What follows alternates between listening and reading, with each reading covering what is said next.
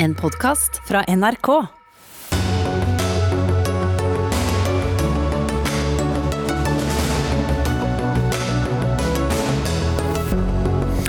Den nye koronamutasjonen er ute av kontroll, ifølge den britiske helseministeren.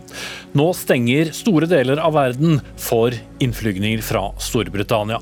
Men obligatorisk testing på grensen her hjemme, se det vil ikke den norske regjeringen ha en gang landets største skihelt, nå straffedømt råkjører for annen gang.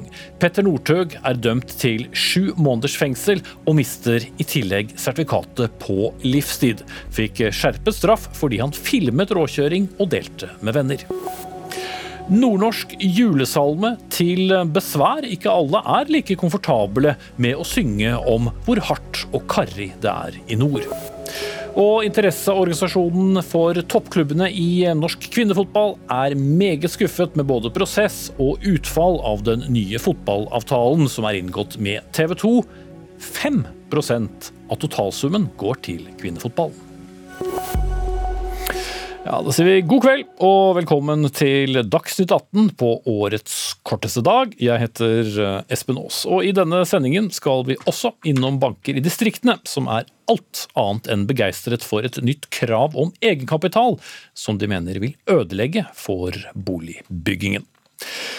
Men først. Vi starter med den dramatiske utviklingen i koronaviruset på de britiske øyer. I formiddag ble det klart at Norge, som mange andre land, stanser alle direkteflygninger fra Storbritannia. Tiltaket kommer etter at britiske helsemyndigheter har slått alarm grunnet en ny mutasjon av viruset, som kan være opptil 70% mer smittsomt enn den opprinnelige varianten.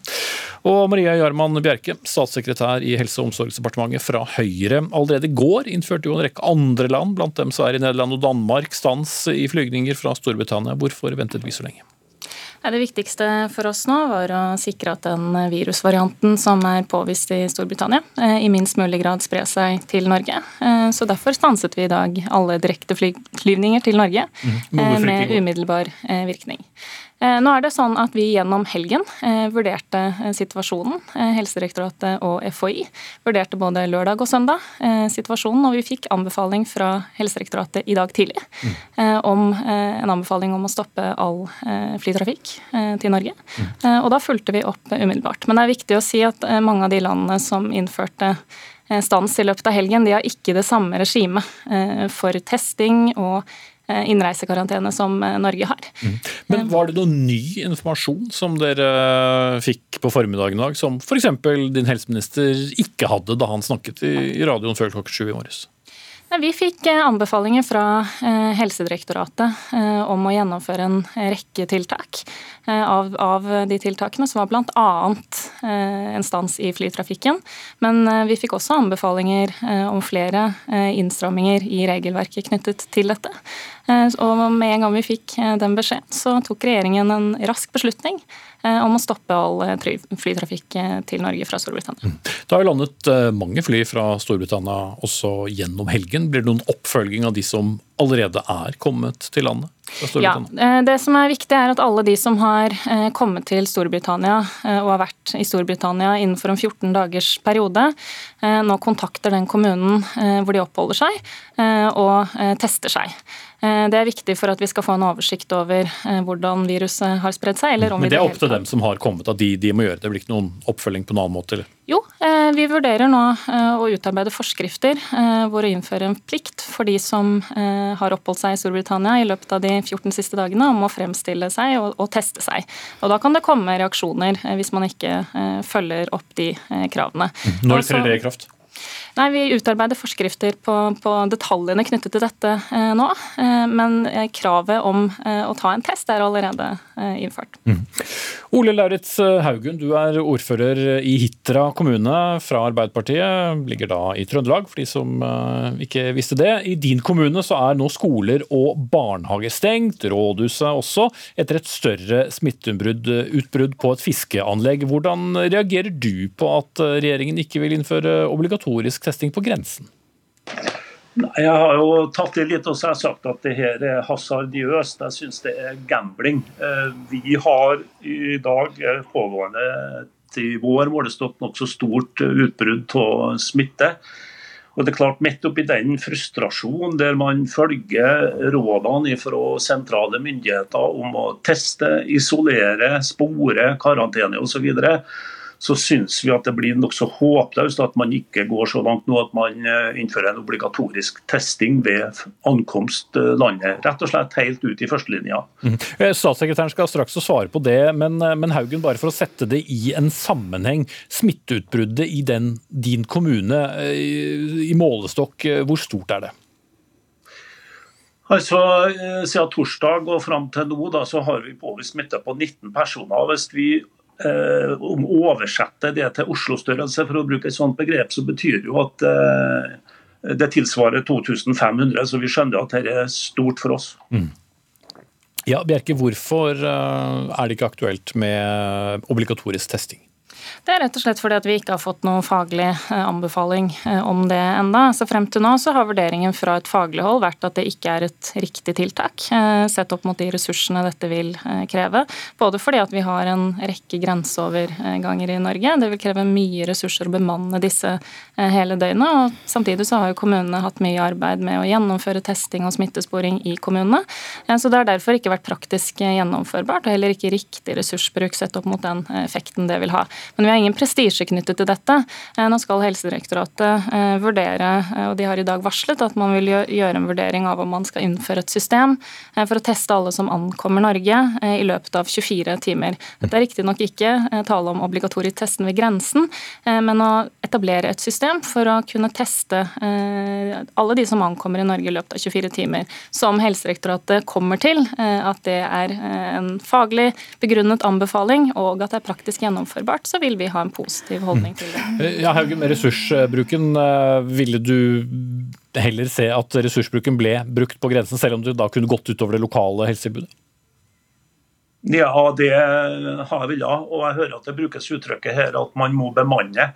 Men det betyr jo at man heller skyver det her over på kommunene, som eh, en del av oss allerede er belasta. Kanskje vi kan begynne å bruke uttrykk som overbelasta for de tapre medarbeiderne som nå driver testing og sporing osv. Så, videre, og så, så ressursspørsmålet syns jeg er snudd på hodet. Dette eh, må være enkelt å bemanne opp eh, på grensepunktene eller på flyplassene. Mm, så man ikke glemme at Det viktigste tiltaket for å hindre importsmitte det er krav om ti dagers innreisekarantene til Norge. og Det gjelder jo for alle som ankommer eh, Norge, også norske statsborgere. og I tillegg så har regjeringen innført et krav eh, om at personer som ankommer Norge fra eh, et område med karanteneplikt, at de skal fremvise en attest som viser negativ test ved innreise.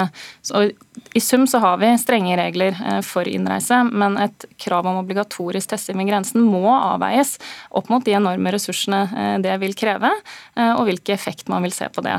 Men Får vi en faglig anbefaling fra Helsedirektoratet som anbefaler dette og mener det vil være et egnet og riktig tiltak, eh, så vil vi selvfølgelig følge det eh, opp. Og vi har ingen prestisje knyttet til det spørsmålet. Mm, som du nevnte. Men eh, Haugen, sitter du på noen annen kompetanse da enn Helsedirektoratet, som er de som vurderer dette fortløpende? Nei, det har vi ikke. Men vi har jo fagfolk i kommunene nå. Jeg har, jeg har til gode å høre noen som er uenig i det synspunktet som jeg ga ha båret fram. Men for all del, altså, men mine vurderinger er nå engang sånn som jeg har tort å gitt uttrykk for. Jeg, har, jeg, må få lov til å skjøte inn at jeg syns sentrale myndigheter må tenke over om man skjønner konsekvensene av en sånn unnfallenhet. Altså Har man tenkt over hvor demotiverende det kan være for de som nå eh, er hardt ute med å, å, å drive testing og sporing osv. Når man opplever eh, det her. Mm. Svar på det, Haugen. Ja, det har vi Ikke Haugen, men Bjerke. Sorry. det har vi stor forståelse for. Veldig mange kommuner uh, har stått i en kjempekrevende situasjon uh, over lengre tid, og mange kommuner gjør en ufattelig uh, god og stor innsats i å bekjempe smitten gjennom testing og sporing. Men spørsmålet om obligatorisk testing ved grensen handler om noe helt annet. Det handler om vi skal bruke ressursene på et tiltak som vi foreløpig ikke har fått faglig anbefaling eh, om eh, å gjennomføre. Og Skulle man eh, innført et krav om obligatorisk testing, så ville jo de ressursene som i dag kommunene har til å bruke til, smittesporing og, testing, måtte gå til å teste folk ved grensen. Så da ville man jo satt kommunen i en enda vanskeligere situasjon. Ok, Det poenget har vi tatt.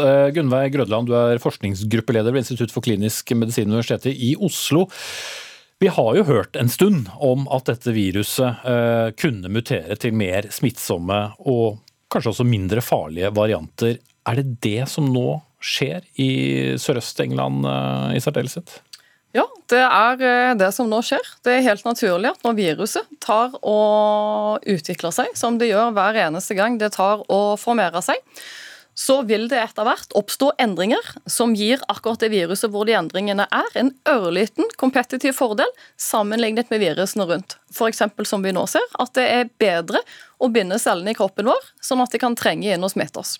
Og Når man får den kompetitive fordelen, så vil de jo ta over markedet, helt naturlig. Rett og slett fordi det har en fordel. Mm. Men ut fra det vi vet, så er det kun smittsomheten som uh, har endret seg. Hvorvidt du blir sykere av covid-19 f.eks. Det ser i hvert fall foreløpig ikke ut til å, være en konsekvens. Ja, og det er et kjempeviktig poeng. Uh, fordi selv om det selvsagt da kan bli mer komplisert å redusere smitte, så trenger vi ikke være mer redd for dette viruset rent sykdomsmessig. Det er et veldig veldig likt virus, og det er små endringer det faktisk er snakk om. Mm. Så har vi jo i en stund da, eller i hvert fall noen dager, hørt eh, om at mutasjonen skal være 70% mer smittsom. Men hva er det basert på? Det er basert rett og slett på observasjoner av smittespredning i samfunnet, eh, heller enn biologiske eh, data for viruset. Så man observerer rett og slett at der du kan eh, finne akkurat dette viruset, så har du en såpass økt grad av smitte i samfunnet at man kan beregne det som å være 70% Men det tallet er jo på en måte hefta med usikkerhet. Det er ikke et nøyaktig tall. Og så kan jo da, så vidt vi forstår, dette viruset også ha kommet på besøk til, til Norge, uten at uh, vi, vi, vet det helt sikkert. Uh, men ja, hvordan vil du vurdere den sannsynligheten? Den sannsynligheten er absolutt til stede. Og så er det jo det. Eh, når man tester, så vil man på en måte alltid teste retrospekt. Man tester det som allerede har skjedd, man tester ikke det som skjer akkurat nå. Og Danmark har dette viruset. Det er masse av det i Storbritannia. Det har vært i Storbritannia siden september. Så har vi det, har vi det ikke? Det er definitivt ikke utenkelig at vi har det, i hvert fall. Mm. Men svaret er først hvis vi da får den samme utviklingen, at dette R-tallet f.eks. kan da eh, øke kraftig i geografiske områder? Det vil være en indikasjon, men så er det jo også sånn at Folkehelseinstituttet i Norge òg driver og ser på arvematerialet i viruset. Eh, og Hvis man ser de samme endringene som man har sett i Storbritannia, så kan man jo da finne at viruset er i Norge, eventuelt uten at man ser den økningen i smitte. Mm. Og så er det jo mange som lurer på å stille spørsmålet får det noe å si for vaksineringen som da skal starte her i landet om bare få dager? Det er litt uklart ennå, men det jeg tenker er viktig, eh, som denne situasjonen har synliggjort, er at det å prøve å forutsi utviklingen fram i tid, er tilnærmet umulig. Viruset endrer seg kontinuerlig, og det å prøve å forutsi smittespredningen og hvilken situasjon vi vil sitte i om omtrent en god måned, det går ikke. Og så vet vi at fra vi vaksinerer eh, personer til de faktisk er beskytta, så vil det ta en god måned. Så vi prøver nå å ta beslutninger om en helt ukjent eh, framtid og predikere framtiden. Og da tenker jeg det er viktig å ha litt utgangspunkt i at vi vet ikke hva som vil skje. Så vi må sørge for at vaksinene nå brukes for å gi samfunnet best mulig beskyttelse, og at vi bruker de målretta. Ok, da sier vi takk til deg, Gunnveig Grødland. Eh, Simen Ekern, vår europakorrespondent. Eh, du er for tiden i Italia, som jo innførte restriksjoner overfor eh, Storbritannia allerede i helgen. Men det virker ikke som om de andre EU-landene har en helt koordinert reaksjon overfor denne smittespredningen? Nei, nå, eh, i, dag møtes eh, europeiske helseministre og dette kriseteamet som EU-kommisjonen eh, har satt ned. I morgen ventes det en avgjørelse når EU-ambassadørene møtes. Da kan vi se en annen type felles reaksjon, f.eks. med krav om testing ved ankomst. Men foreløpig er det altså alle medlemslandene eh, som har eh, innført forskjellige varianter av restriksjoner eh, på egen hånd, selv om mange jo i går håpet at dette skulle være samlet, så ser vi at dette har skjedd så raskt at mange land har sagt at nå er vi nødt til å gjøre dette uansett og med en gang. Det var bl.a. italienske myndigheters holdning da de, da de, stengte alle fly fra England fra, fra midnatt i går. Mm. Så har vi jo, som vi vet, EU og Storbritannia vært travelt opptatt med å få sluttført uh, livet uh, etter brexit fra 1.1 neste år. Hvilke konsekvenser får disse tiltakene som nå innføres for denne prosessen?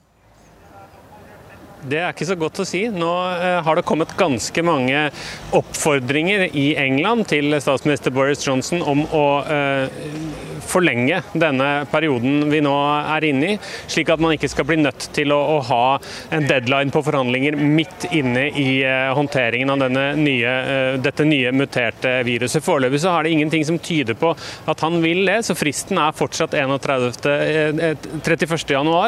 31. januar. Og eh, de diskuterer eh, fortsatt. Så det er eh, sånn at nok en frist har, har blitt overskredet, og, vi vet rett og slett ikke riktig hva som skjer ennå. Innen denne uken, kanskje før julaften, er det noen som snakker om. Men foreløpig er det altså 31.1 som, som er fristen, og, og, og litt uklart om man da rekker å ratifisere og vedta en eventuell avtale, hvis man skulle komme fram til en enighet i løpet av de neste dagene. Mm.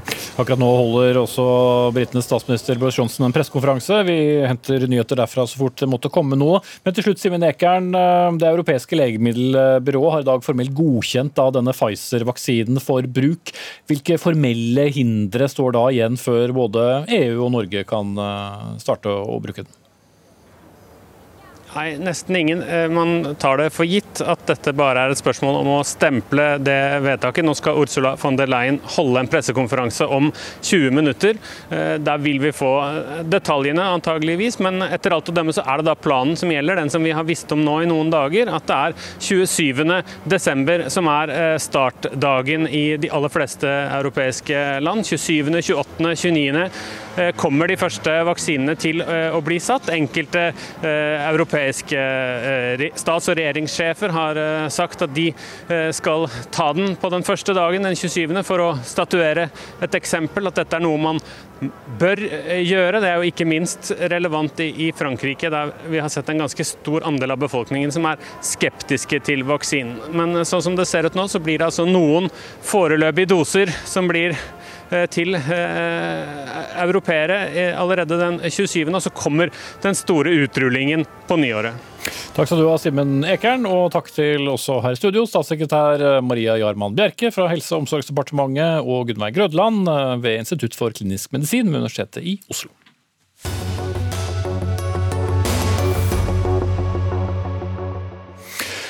Senere i sendingen skal vi debattere boligmarkedet her i Dagsnytt 18 og et nytt krav til egenkapital for de mindre bankene. Finans- og eiendomsbransjen mener nemlig at kravet kommer til å strupe boligbyggingen i distriktene, mens Finanstilsynet viser til EU. Men så til kanskje dagens eh, største samtaleemne mange steder. Det ble altså slik at skihelten Petter Northug i dag ble dømt til sju måneders ubetinget fengsel og mister førerkortet på livstid, iallfall i juridisk forstand, for fire tilfeller av råkjøring i august og for oppbevaring av narkotika. Saken gikk som det som heter en tilståelsesdom, og det groveste fartsovertredelsen var 221 km i timen i 80-sonen, altså 2,7 ganger fartsgrensen.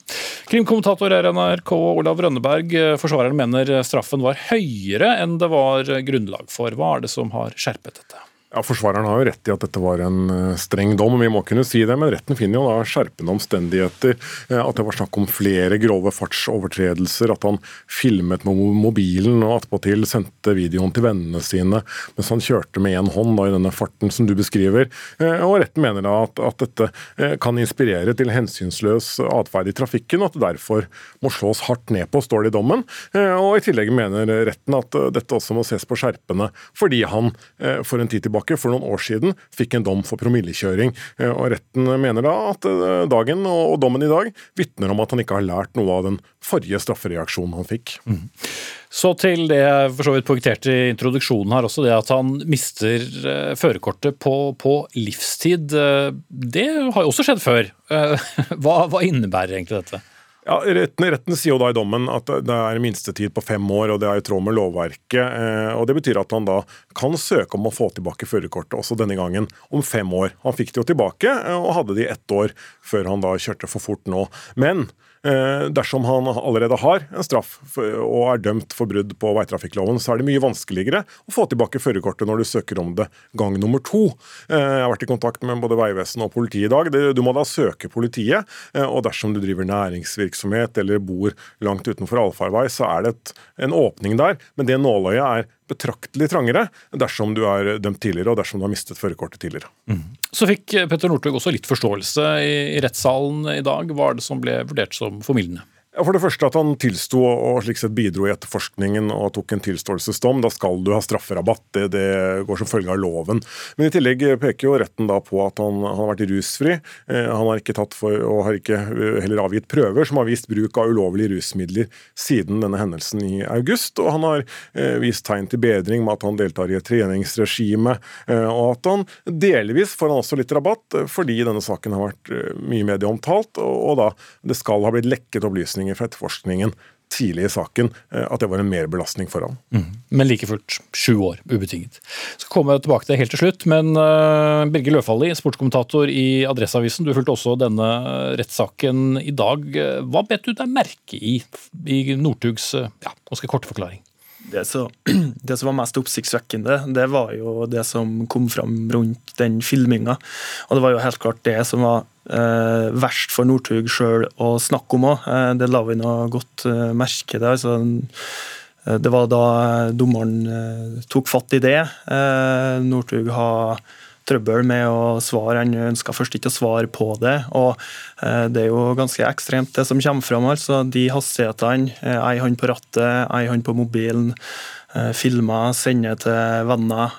og Eh, hvordan skal tolke det? Eh, det umiddelbare jeg tenkte, er jo at det her, det, den oppførselen der, selv det er helt annet, det, det, minner jo faktisk litt om måten han gikk eh, løp på i sin tid. Han var i absolutt toppform da han røkte og bremsa, og selv om det her er noe, noe helt annet. Men det var det som slo meg der og da. Mm.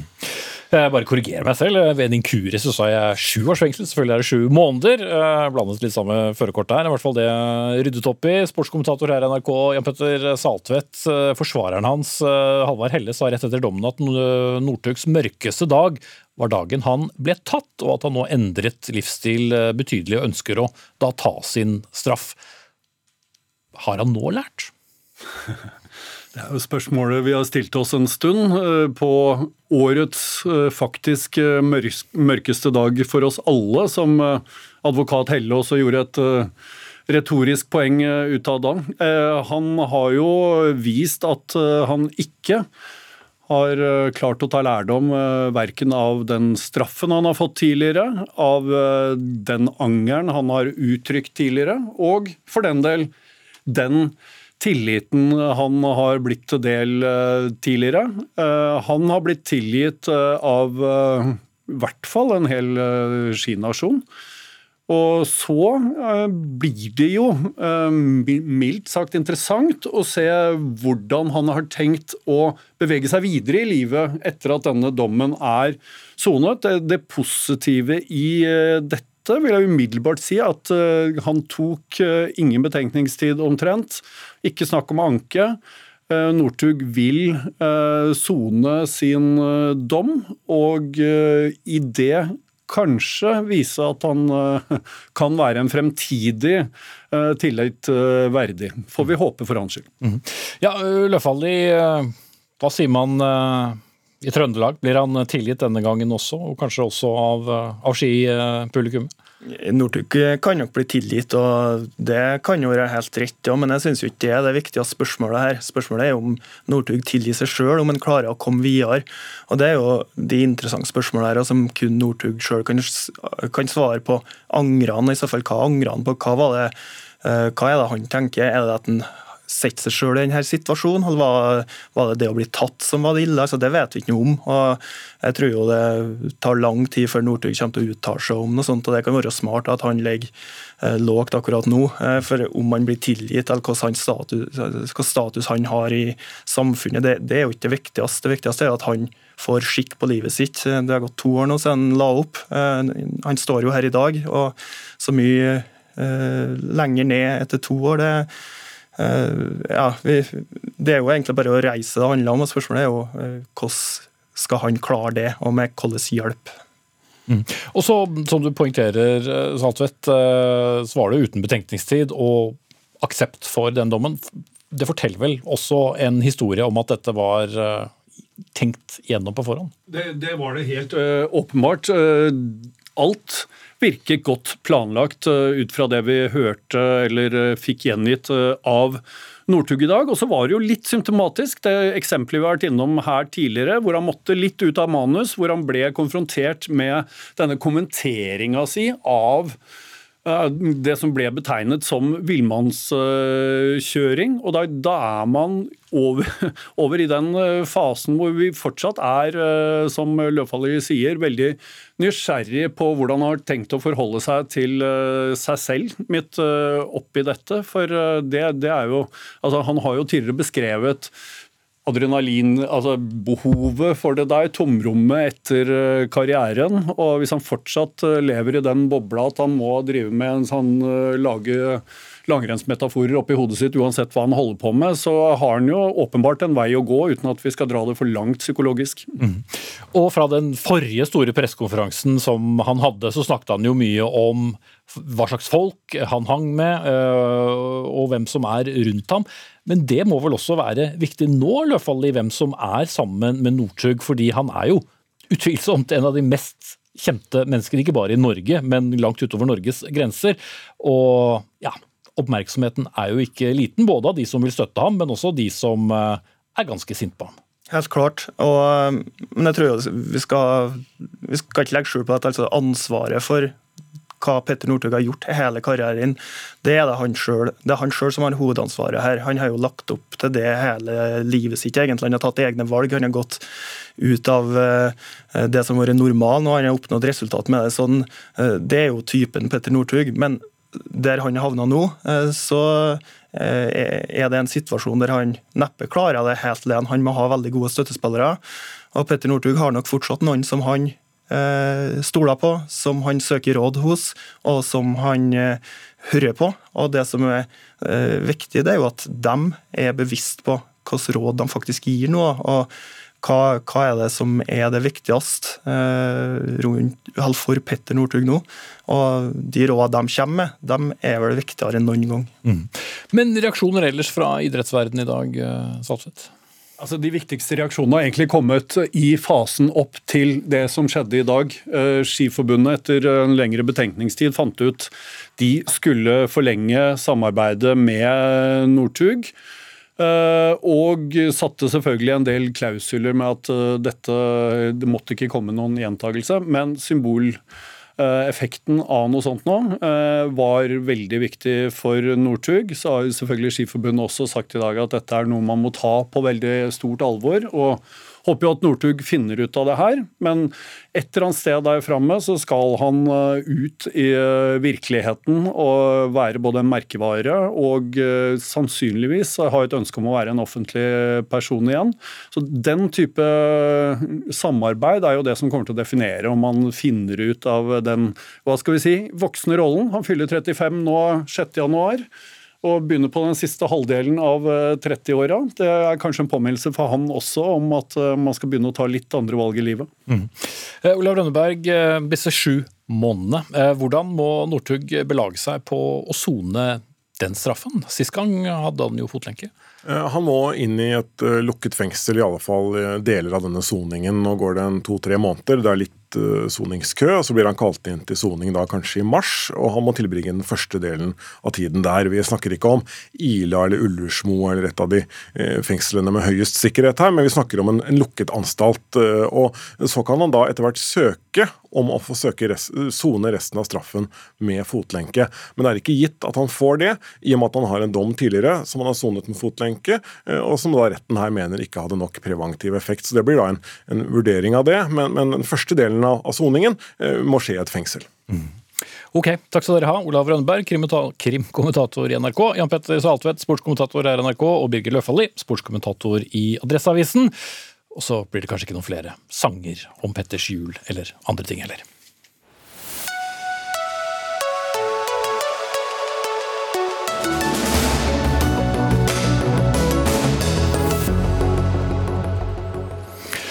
Og idet julestemningen etter hvert eh, senker seg i norske hus og hytter, ja, så har det brutt ut en debatt om nordnorsk julesalme på debattsidene til avisen Nordlys i Tromsø. Salmen, som sikkert mange kjenner, som er skrevet av eh, Trygve Hoff, var for øvrig den mest ønskede på NRK1s ønskekonsert eh, sist fredag. Nå skal vi høre noen strofer av sangen fremført av artisten Moddi. Vi levde med huet i handa, men hadde så sterk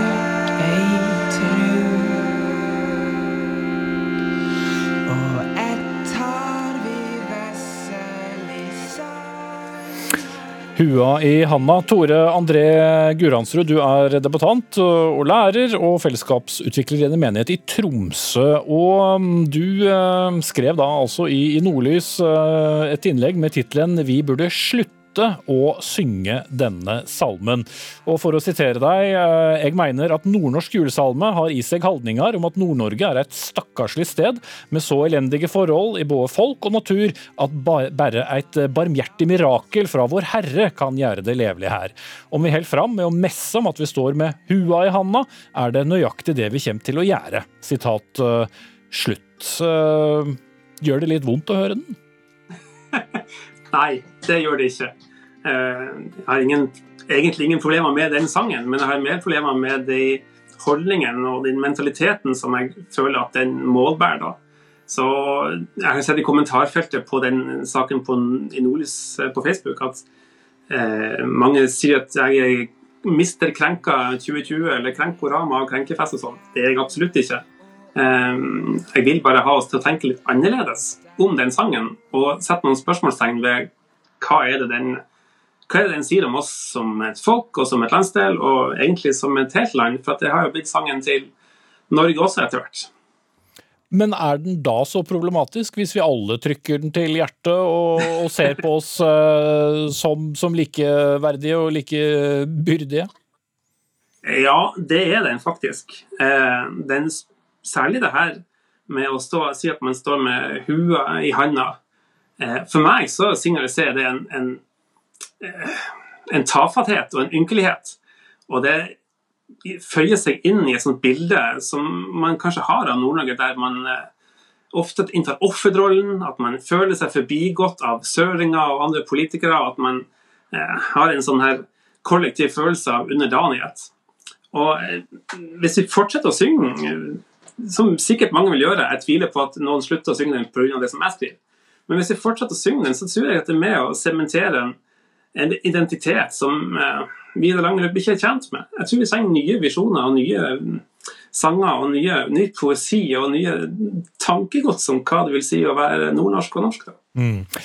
Som du selv var inne på, det manglet ikke på reaksjoner. Og Maja Sojtaric, du er kommunikasjonsrådgiver og skribent i, i Tromsø. Du var raskt ute og forsvarte nordnorsk julesalme. Og du mener at kritikken som, som Gøransrud kommer med her, er eh, utrolig lite sjenerøs. Hvordan da? Ja, nei, det er jo eh, voldsomt hvor mye kollektiv elendighet man skal legge på denne sangen. Det var jo eh, Jeg tror ikke Trygve Hoff gjennom sin uh, kunstnerskap forfektet noe mindreverdighetsbilde av Nord-Norge. Det tror jeg er, vi må bare legge fra oss med en gang. Og så er det jo da, uh, som uh, også påpekes her, viktig å huske på at denne sangen ikke er en nordnorsk julesalme lenger. Det er jo i, i år gitt ut elleve innspillinger av denne låta av artister og kor over hele landet, som har da hatt en Uh, egen tolkning og har funnet nærhet og trøst i den. Det er en sang som uh, snakker til vår tid veldig godt. Vi føler oss alle sammen som om vi er i en veldig hard og vanskelig tid, og vi trenger trøst. Uh, og jeg tror den der tolkninga om at det primært er en elendighetsbeskrivelse og en sånn offermentalitets holdepunkt, det ser jeg jo ingenting ingenting av i den teksten. Nei, og jeg må jo da spørre deg, eh, Guransrud, hvis du går inn i teksten til ja, ja, vi elsker, eller Ivar Aasens eh, Nordmannen, så viser jo de også til eh, tøffe kår ved det å bo oppi vår, vårt forblåste hjørne. Må alt moderniseres, eller kan vi ikke føle litt på den samme stautheten? ja, hadde det ennå vært stauthet, så skulle jeg gjerne følt på det. Men jeg opplever det ikke som stauthet. Men eh, det jeg kan si er at jeg har på ingen måte gjort krav på noe fasit om hva den sangen handler om. Eller hva Nord-Norge handler om. Men det jeg er interessert i, det er å få oss til å tenke litt annerledes om hva som vi egentlig synger om oss sjøl. Eh, når, når, Bodø-Glimt eh, blir seriemestere og skårer 103 mål, eller når Tromsø fra min by røkker opp, så er det ikke fordi at de har stått med hua i handa. Eh, det er ikke fordi at de har unnskylda seg og liksom fått det til tilfeldigvis fordi noen har hjulpet dem. Men det opplever jeg at den sangen på en måte eh, målbærer. da. Jeg skal gi deg litt eh, det som hun, min motdebattant har skrevet, om at den gir trøst, og den kan uttrykke en tro. og den er på nordnorsk, som en av få julesanger. Det tok ikke jeg med i mitt opprinnelige innlegg, så det poenget skal du få. Men jeg syns ikke at jeg har en lite sjenerøs holdning. Jeg ønsker bare å eh, få oss til å tenke annerledes om dette. Mm. Får jeg lov å ta et eksempel? Eh, ja, nå må det være kort, for tiden går ut her. Yes. Eh, et ektepar flytta fra Oslo til Steigen i 2018 og starta potetfarm. Og Det har vært en sak om på NRK også. Nå I november så vant de eh, Årets unge bonde fordi de har gjort det så bra der oppe. Det har de klart i en frossen og karrig jord, mens de sliter å kave seg fram. Okay. Det er jo ikke sånn forholdene er. Det er jo mye bedre enn det sangen beskriver. Men uh, Trygve Hoff snakker jo ikke om uh, jordbruk uh, og altså fremtidig jordbruk i Nord-Norge. Altså Det her er jo en nærlesning som faktisk ikke tar inn over seg hva denne sangen snakker om. Den snakker om Blant annet så er veldig mye av det som påtales her, ting som er i preteritum. Den snakker om en fortid vi har hatt. Den snakker om en, eh, et liv i nord som kan jo være vanskelig, men det er jo ikke nødvendig å ta alt dette så utrolig bokstavelig. Det er veldig mange mennesker nå, tror jeg, som kjenner seg igjen i uh, det at uh, det er tøft. Det er uh, tøft å forholde seg til f.eks. denne situasjonen med denne pandemien, og denne sangen kan gi dem trøst i en mer sånn her overført eh, betydning. Det der med hua i handa henger man seg nå veldig opp. Jeg vet ikke hvorfor. Den her offermentaliteten som blir eh, påtvungen nordnorske eh, eh identitet, er jo eh, veldig søkt for meg. Jeg ser jo det, jeg ser veldig lite av det. Men det med hua i handa spiller jo også på at Trygve Hoff skrev om en arbeiderklasse. Han skrev jo historien om en arbeiderklasse som kjempa for sine rettigheter i Nord-Norge også. Og da tenker jeg at det der med å stå med hua i handa var jo et, et symbol på, på, noe vi ikke skulle tilbake til. Uh, han skriver jo også om at vi er uh, hardhauser som Vår Herre, også noe som tidligere har vært et problem òg. Så det er et tipper at vi klarer oss, altså. Mm.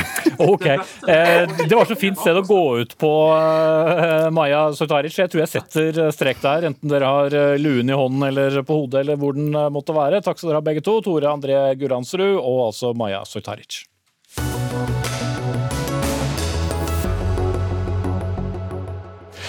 Dyrere boliger, boliger, dyrere lån og mindre boligbygging i distriktene, ja det kan bli resultatet, frykter bank- og eiendomsbransjen etter at nye EU-regler for kapitalkrav er eh, innført.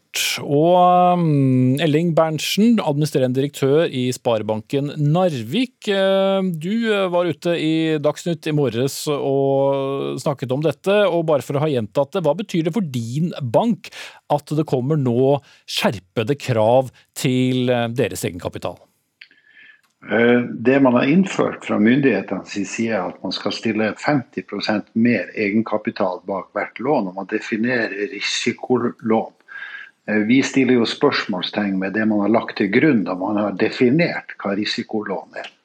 Så det er vel i utgangspunktet det. Det har jo vært, kom som et, eh, et rundskriv her 10.12. uten at vi føler at vi som næring har fått lov til å være med på å diskutere det. Det innføres med øyeblikkelig virkning. Og det gjør jo sitt til at vi er nødt til å planlegge annerledes. Vi har jo normalt sett treårige sykluser når vi, når vi eh, disponerer kapitalen i bank. Eh, Dette handler da altså om økte krav til, til bankens egenkapital, fordi man omdefinerer risikoen ved da eh, boligprosjekter. Men hvorfor er det galt å ha mer sikkerhet? Har du bare opplevd at boligprosjekter er en vinn-vinn-situasjon? Altså, Vi finansierer jo ikke boligprosjekt uten at det er forhåndssolgt. Vi har jo ikke hatt et eneste prosjekt som har gått galt for banken. Vi ser jo at det er god, godt bankhåndverk, og vi definerer det ikke som risikolån. Fordi at kjøper har allerede stilt bekreftelse fra sin bank om at han vil overta når byggeprosjektet er ferdig. Men vi har jo litt historikk, om enn tilbake i tid, på, på bankkriser i Norge. Men du mener at det er et tilbakelagt stadium? Altså vi, vi definerer jo å og, jobber ut ifra at vi, vi gjør et godt bankhåndverk i hverdagen der ute. Vi, vi ser jo at uh, vi stiller strengere og strengere krav, og vi trenger ikke strengere kapitalkrav fra myndighetene. For vi ønsker at kapitalen skal settes i arbeid ute i distriktet. Isolert sett for vår bank så har vi ekstremt god kapital, men vi tenker den langsiktige virkninga av å innføre et sånt krav. Du er ikke eneste som har eh, vært kritisk. Tone Telvik Dahl, du er administrerende direktør i det som heter Norsk Eiendom, som da er bransjeorganisasjonen for private eiendomsaktører med 220 medlemmer. Og i en kronikk i Finansavisen før helgen så gikk dere hardt ut mot Finanstilsynet, og de mener de nærmest dreper boligbygging i, i distriktene. Det var veldig harde ord her.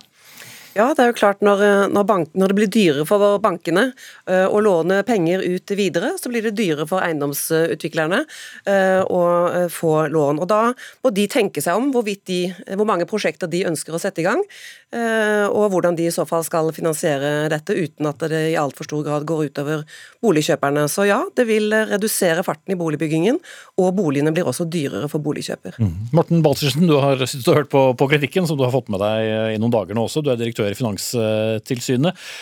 Hvorfor er dette prosjektet som beregnes som eh, høy risiko, når det, som det sies fra Narvik her, selger alle leilighetene før det bygges? Dette er et felles europeisk regelverk som ble innført fra årsskiftet i Norge. Da de europeiske kapitalkravsreglene ble tatt inn i EØS og innført i norsk rett. Så det er ikke en bestemmelse Finanstilsynet har innført i et rundskriv. Men du syns det er en god idé? Det kan man jo mene mye om de kravene, hvor godt de passer til norske forhold og hvor vel tilpasset de er. Men dette er regler som er såkalt fullharmoniserte. Det betyr at de gjelder uten unntak i hele EØS. Og på noen punkter så er det mulighet til å gjøre unntak i nasjonal lovgivning. Men på, i denne saken vi her diskuterer, så er det ikke slik avgang. Så her må denne regelen følges. Dette nye regelverket alt i alt bidro til betydelige lettelser i kapitalkravet for norske banker. Men på noen få punkter så var det en innstramming, og akkurat når det gjelder utlån til prosjektfinansiering, så var det en skjerpelse for de bankene som ikke bruker interne modeller for å fastsette kapital. kravet. Men dere som private eiendomsaktører, retter dere ikke da skytset feil sted? Nei, Vi mener jo at det er noe handlingsrom, om ikke stort, til å vurdere hvordan eh, denne nye forordningen fra EU skal implementeres i norsk lov. Vi registrerer at eh, Sverige har gjort noen justeringer. Eh, det taler for, mener vi, at det kunne også det norske finanstilsynet gjøre. Og vi stusser også på hvorfor man ikke kan legge eh, salgskontraktene som eh, grunnlag før man setter i gang en risikovurdering, men at man må vente til at det hele boligprosjektet er ferdig og ferdigattest er utstedt av kommunen. Vi mener at, som også bankdirektøren sier, at ved å ha forhåndssolgt en stor del av, av eiendomsprosjektet, burde være sikkerhet nok for å kunne ha, få en lavere risiko. Ja, Svar på det, Baltersen. Først med svenske erfaringer. Jeg tror kanskje det blandes sammen med en annen regel som gjelder kapital som kreves ved utlån med pant i næringseiendom, hvor det er et, faktisk et nasjonalt valg hvor man kan ha enten 100% eller 50% risikovekt, og hvor svenske myndigheter her har brukt det til å sette 50% framfor 100% som er hovedregelen. Men det er en annen sak, altså en annen type utlån. Når det gjelder forhåndssalg. Disse reglene er jo risikosensitive, men de er gans likevel ganske sjablongmessige. Hvordan da? Ja, det er F.eks. denne type lån så er det 150% risikovekt, altså 50% mer enn det vi hadde tidligere i det norske regelverket. Og Det gjelder uavhengig av hvor mye egenkapital låntakeren har, hvor mye som er forhåndsholdt, og eventuelt mye som er forhåndsbetalt eh, av Det handler om bankens da, soliditet og har ja, ikke noe å si for Motpart låntakerens og prosjektselskapets soliditet. Og, og, det er jo en erkjennelse at eh, dette kanskje ikke er risikosensitivt nok. Så med nye regler som nå er under utarbeidelse i EU, som følger internasjonale standarder, eh, så legges det opp til, eh, så langt det er utredet, til å gjøre dette mer finmasket, slik at f.eks. For eh, forhåndssalg og soliditet hos, hos låntakeren kan gi grunn for å ha en lavere risikovekt. Men inntil det regelverket måtte komme, så må vi forholde oss til de reglene som er der. Mm. Kapitalkravene ble jo innført ved årsskiftet i fjor. Hvorfor er altså overrasket nå, Tillugdal? Eh, ja, det kan du si. Eh, vi har vel ikke møtt eh, dette ordentlig nok ute i, bankene før dette rundskrivet, som egentlig er da en tydeliggjøring, sånn som jeg leser Finanstilsynets svar til oss på. Og det er jo først da vi ser at, dette trer i kraft. Syns kanskje det tok litt lang tid før den avklaringen kom, og er også litt skuffet over at verken finans- eller eiendomsbransjen ble tatt med i samtalene rundt presiseringen av av, av, dette nye lovverket. Da kunne vi jo kanskje ha um, kommet fram til å utfordre også EU sin forståelse av de nasjonale, det nasjonale handlingsrommet. Mm. Dette nye kapitalkravsregelverket som ble innført fra årsskiftet, det var på offentlig høring. Så det har vært høring om, om dette. Men det er et stort og komplisert regelverk, så det er lett å forstå at det ikke er så lett for alle som å forholde seg til dette i, i all detalj. og Da hender det noen ganger også at vi ser at banker opp, oppfatter det ulikt hvordan det skal forstås, og noen ber om avklaring. Og da gjør det Finanstilsynet det i rundskriv ofte, at vi forklarer nærmere hvordan dette skal uh, anvendes. Men hvis jeg har forstått dette riktig, så gjelder det jo ikke alle banker. Det vil ikke gjelde de største bankene, det gjelder de mindre sparebankene. Vil ikke det også konsentrere, muligens, uh, lånebelastningen på uh, større banker? Ja, Det er slik reglene er. Dette gjelder ikke, Det er standard risikovekter for de bankene som bruker eh, standardmetoden, som det heter, altså som ikke har interne modeller for å beregne eh, kapitalkravet. Og Det innebærer også at det er forskjeller i kapitalkrav på ulike utlånstyper mellom de banker som bruker intern modell, og de som bruker den såkalte standardmetoden, som det er de mindre bankene. Ja, så, så, i praksis så vil de største bankene i landet ikke påvirkes av dette, men da en rekke mindre, f.eks. sparebanker, vil det, hvis jeg forstår det riktig?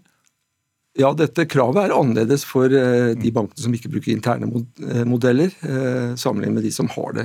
Slik har det jo vært hele veien. Mm, mm. Men uh, hva mener dere den praktiske konsekvensen altså Det vil jo være en overgang her, Telvikdal, uh, hvor man jo må tilpasse seg uh, dette. da, for Det høres ikke ut som dere har gjort så mye med det. Men hvordan vil det påvirke eiendomsutviklere? Må de vurdere finansieringen annerledes? De, de, må jo vurdere om de vil ta på seg den eh, økte kostnaden som dyrere lån vil medføre. Eh, og boligkjøpere må belage seg på dyrere boliger, kanskje særlig uh, utenfor de store pressområdene hvor kanskje de store bankene dominerer. Og det vil igjen øke gjeldsgraden til den enkelte forbruker, noe jeg trodde nei, Finanstilsynet var opptatt av å ikke, ikke, øke videre. Så her burde vi jo egentlig alle sammen prøve å se hvordan vi kunne fått endret dette så fort som mulig slik at uh, boligkjøperne fortsatt uh, kan klare å komme seg inn på, på, boligmarkedet uten å måtte betale at bankene må få økt krav til egenkapital. Tipper det korte svaret fra deg, Balsersen, er sånn er det? Det er sånn, men Endringer er underveis, som jeg sa, så dette kan bli endret. Men det er også verdt å minne om at norske banker under ett fikk jo betydelige lettelser i det samlede kapitalkravet da disse reglene ble innført. Så de har et godt utgangspunkt for å yte lån. Da er det gjentatt. Takk til Morten Balsersen, direktør i Finanstilsynet. Takk til Tone Telvik Dahl, administrerende direktør i Norsk Eiendom. Og tidligere hørte vi også Elling Berntsen, som er administrerende direktør i Sparebanken Narvik.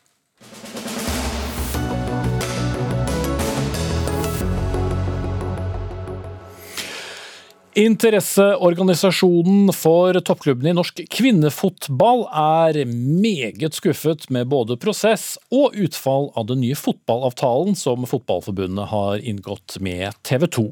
Fredag ble det nemlig klart at TV 2 skal sende Eliteserien, Toppserien, NM og førstedivisjon for kvinner og menn fra 2023 til 2028. Mediehuset betaler et samlet beløp på 4,5 milliarder kroner men av dette tilgodeses kvinnefotballen med under 5% av den totale medieavtalen. Og Jan Erik Faane, du er styreleder i Toppfotball eh, kvinner. Det er mer penger til kvinnefotball enn noen gang tidligere, sier de som har laget avtalen. Du er likevel skuffet. Hvorfor? Ja, Det skulle bare mangle. Dette er den viktigste avtalen som er inngått eh, for norsk eh, kvinnefotball noensinne. Det er en eh, kjempeviktig inntektskilde for norsk uh, toppfotball, for, for kvinner. Og vi er altså satt på, på, gangen. Vi har ikke fått lov til å være med i forhandlingene. Vi har ikke fått være med å ta beslutningene, og vi har ikke fått være med på å godta den endelige avtalen. Og Det synes vi er veldig merkelig. Og så er det da også resultatet som du henviser til innledningsvis, programleder. Under 5% av totalen er det som settes eh, som verdi på norsk eh, kvinnefotball. Det er 110 000 jenter som spiller fotball i Norge. Det er den største kvinneidretten vi har i Norge, og vi syns det er synd at man ikke har kommet lenger enn dette i 2020. Terje Svendsen, president i Norges eh, Fotballforbund. Reflekterer disse 5% da markedsverdien av kvinnefotballen, eller hva slags regnestykke er dette egentlig? Eh, la meg først understreke at eh, det er definitivt vårt oppdrag å sørge for likeverdige, likeverdige betingelser for herre- og, og, kvinnefotballen, og også jentefotballen i, i Norge. Ja, så da er spørsmålet. Ja, eh, og Vi var, la ut en anbudskonkurranse hvor vi ba markedsaktører til å prise de ulike delkomponentene i, i, dette, hvor vi, hvor vi valgte å legge ut hele norsk fotball for salg fordi at eh, Kvinnefotball er en strategisk satsingsområde for oss. og Vi tror at det å legge ut en så bred portefølje ville ha positiv betydning for eh, markedsprisen for eh, kvinnefotball. Men de fem prosentene, det er da en refleksjon av markedsverdien? Nå, jeg kan jo ikke gå inn og så, og så uh, gi vurderinger av enkeltheter i bud, men 35 eh, millioner det var den maksimalprisen på de første anbudene som, uh, som ble lagt inn. slik at uh, det, det, reflekterer om det var, skulle ha vært gjennomsnittsprisen for de anbudene som, som, ble lagt inn, som skulle være lagt til grunn som en, en markedspris. Det, det, er vanskelig å si. Men vi har, vi, har, lagt til grunn at vi har klart å lande en veldig god avtale for, for norsk fotball. Det er riktig at det er 110 000 jenter og kvinner som spiller fotball i Norge. Eh, 1000 av dem er organisert i 20 lag i norsk toppfotball. De øvrige de nyter godt av inntektsgrunnlaget som Norges Fotballforbund klarer å skaffe, og, og hvor medieinntektene også utgjør en veldig viktig finansieringskilde for oss. Okay. At det er jo jeg, jeg, hører altså ikke et eneste argument fra, fra Svendsen på hvorfor det er viktig at kvinnene ikke satt ved det forhandlingsbordet. Jeg er ganske sikker på at med, eh, med representanter fra oss inn i de forhandlingene, så ville i hvert fall ikke resultatet vært dårligere. Altså Tror de virkelig at forhandlingene hadde gått tregere hvis det hadde vært en representant fra kvinnefotballen der? Hadde resultatet blitt dårligere hvis det hadde vært en representant fra kvinnefotballen der? Nei, Da hadde vi i hvert fall kunnet sitte ved bordet og prøvd å gjort vårt for å heve den summen som kvinneandelen ble, kvinnefotballen ble til. Svar direkte på det, Svendsen. Hvorfor skulle ikke de være til stede? Jeg konstaterer at uh, de ikke er fornøyd med involveringa og deltakelsen i prosessen. og det, det, må vi ta lærdom av. Vi skal evaluere en så omfattende prosess. og det er også sånn at det var flere interessegrupper i, i uh, norsk fotball som ikke satt ved bordet. Vi, vi solgte jo rettigheter både for Post Nord og Norsk Tippingligaen, og også flere.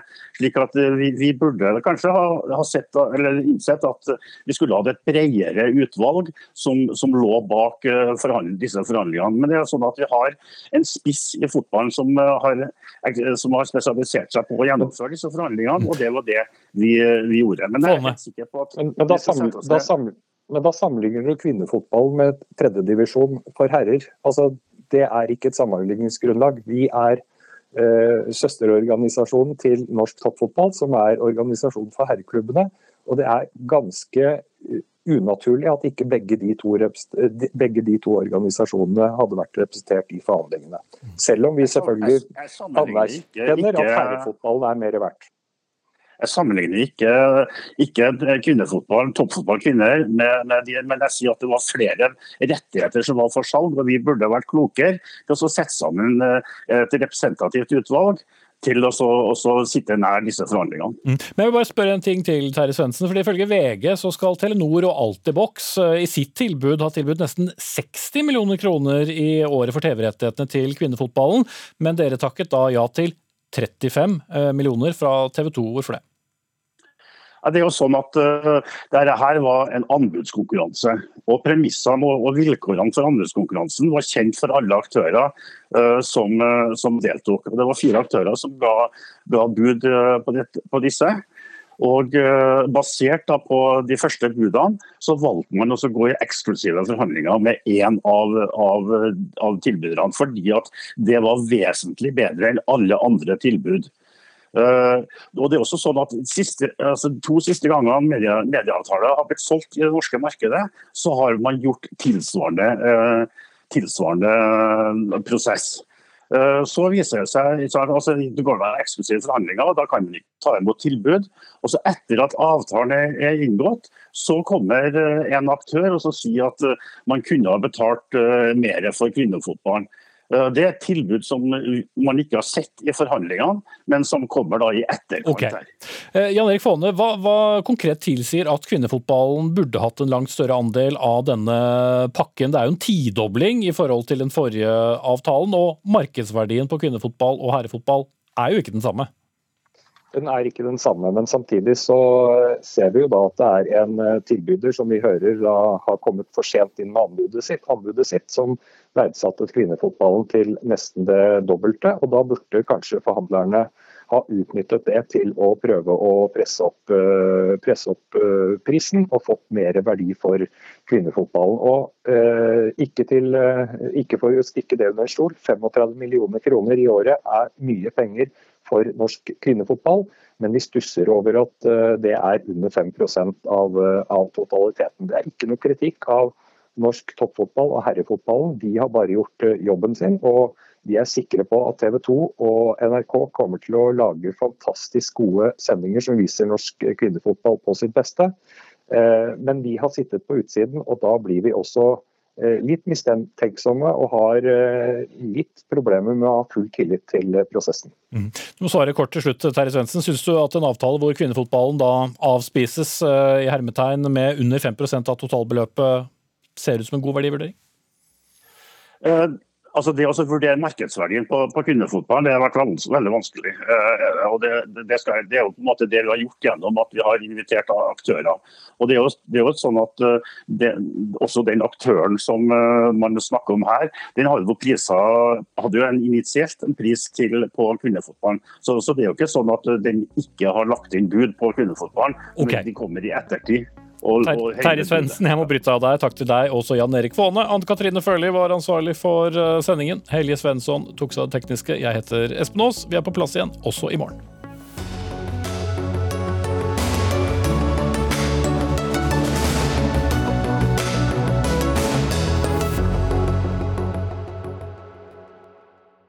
Du har hørt en podkast fra NRK.